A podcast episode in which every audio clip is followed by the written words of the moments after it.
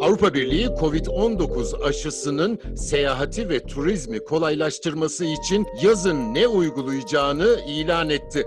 Planın ayrıntılarını Brüksel'den Tuğrul Çam aktarıyor. Evet, Avrupa Birliği aşı sertifikası adı verilen belge için bir yasal düzenleme sundu. Buna göre bu aşı sertifikası kişilerin COVID-19 aşısı olup olmadığını, olduysa nerede ve hangi aşıya olduğunu gösteren bir bilgiyi, hastalığı geçirenlerin iyileştiğine ve antikor seviyesine dair belgeyi ve COVID-19 PCR testi veya hızlı antijen testi sonucunu içerecek. Peki hangi aşılar kabul edilecek bu sertifikada? Önce onu söyleyelim. Bu sertifikada Avrupa Birliği tarafından onaylanmış aşılar kabul edilecek. BioNTech, Pfizer, Johnson Johnson, AstraZeneca ve Moderna'nın aşıları. Ancak Avrupa Birliği üyesi ülkeler başka hangi aşıları kabul edeceklerini tanıyacaklarına kendileri karar verecek. Bu sertifika kimlere verilecek onu da söyleyelim. Avrupa Birliği ülkelerinin vatandaşlarına ve hangi ülkenin vatandaşı olduğuna bakılmaksızın bu kişilerin ailelerine,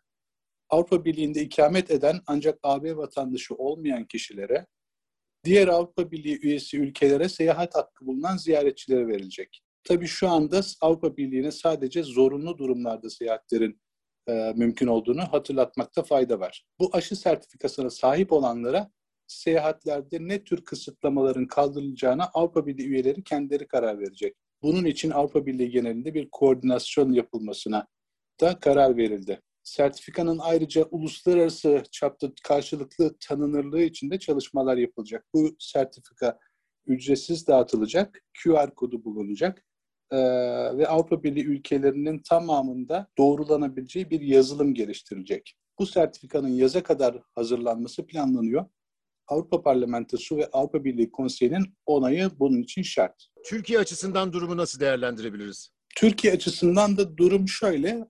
Öncelikle bu sertifikada Avrupa Birliği içinde Avrupa Birliği'nin onayladığı aşıları olan kişiler e, bundan faydalanabilecek. Öncelikle bu. Ancak Avrupa Birliği ülkeleri başka aşıları olanların da bu sertifikayla seyahat edip edemeyeceğine kendileri karar verebilecek. Bu durumda da örneğin Türkiye'de Çin aşısı olan bir kişinin Avrupa Birliği içindeki bir ülkeye gitmesi o ülkenin iznine tabi olacak. O ülkenin sertifikada bu aşıyı tanıyıp tanımayacağına bağlı olacak. Ama zaten bazı Avrupa Birliği üyesi devletler AB'nin onaylamadığı aşılara da yönelmiş durumda. Rus ve Çin aşılarını ele alıyorlar şu anda bazı ülkeler.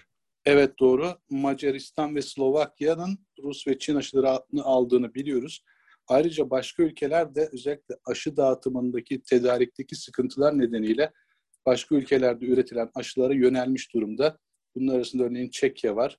Ee, örneğin Sputnik aşısı, Rusya'nın Sputnik aşısının İtalya'da üretilmesi için bir anlaşma imzalandığını biliyoruz. Sputnik aşısının da zaten şu anda Avrupa İlaç Ajansı tarafından ön değerlendirmede olduğunu, yaz aylarına doğru onaylanması ihtimali bulunduğunu da söyleyebiliriz.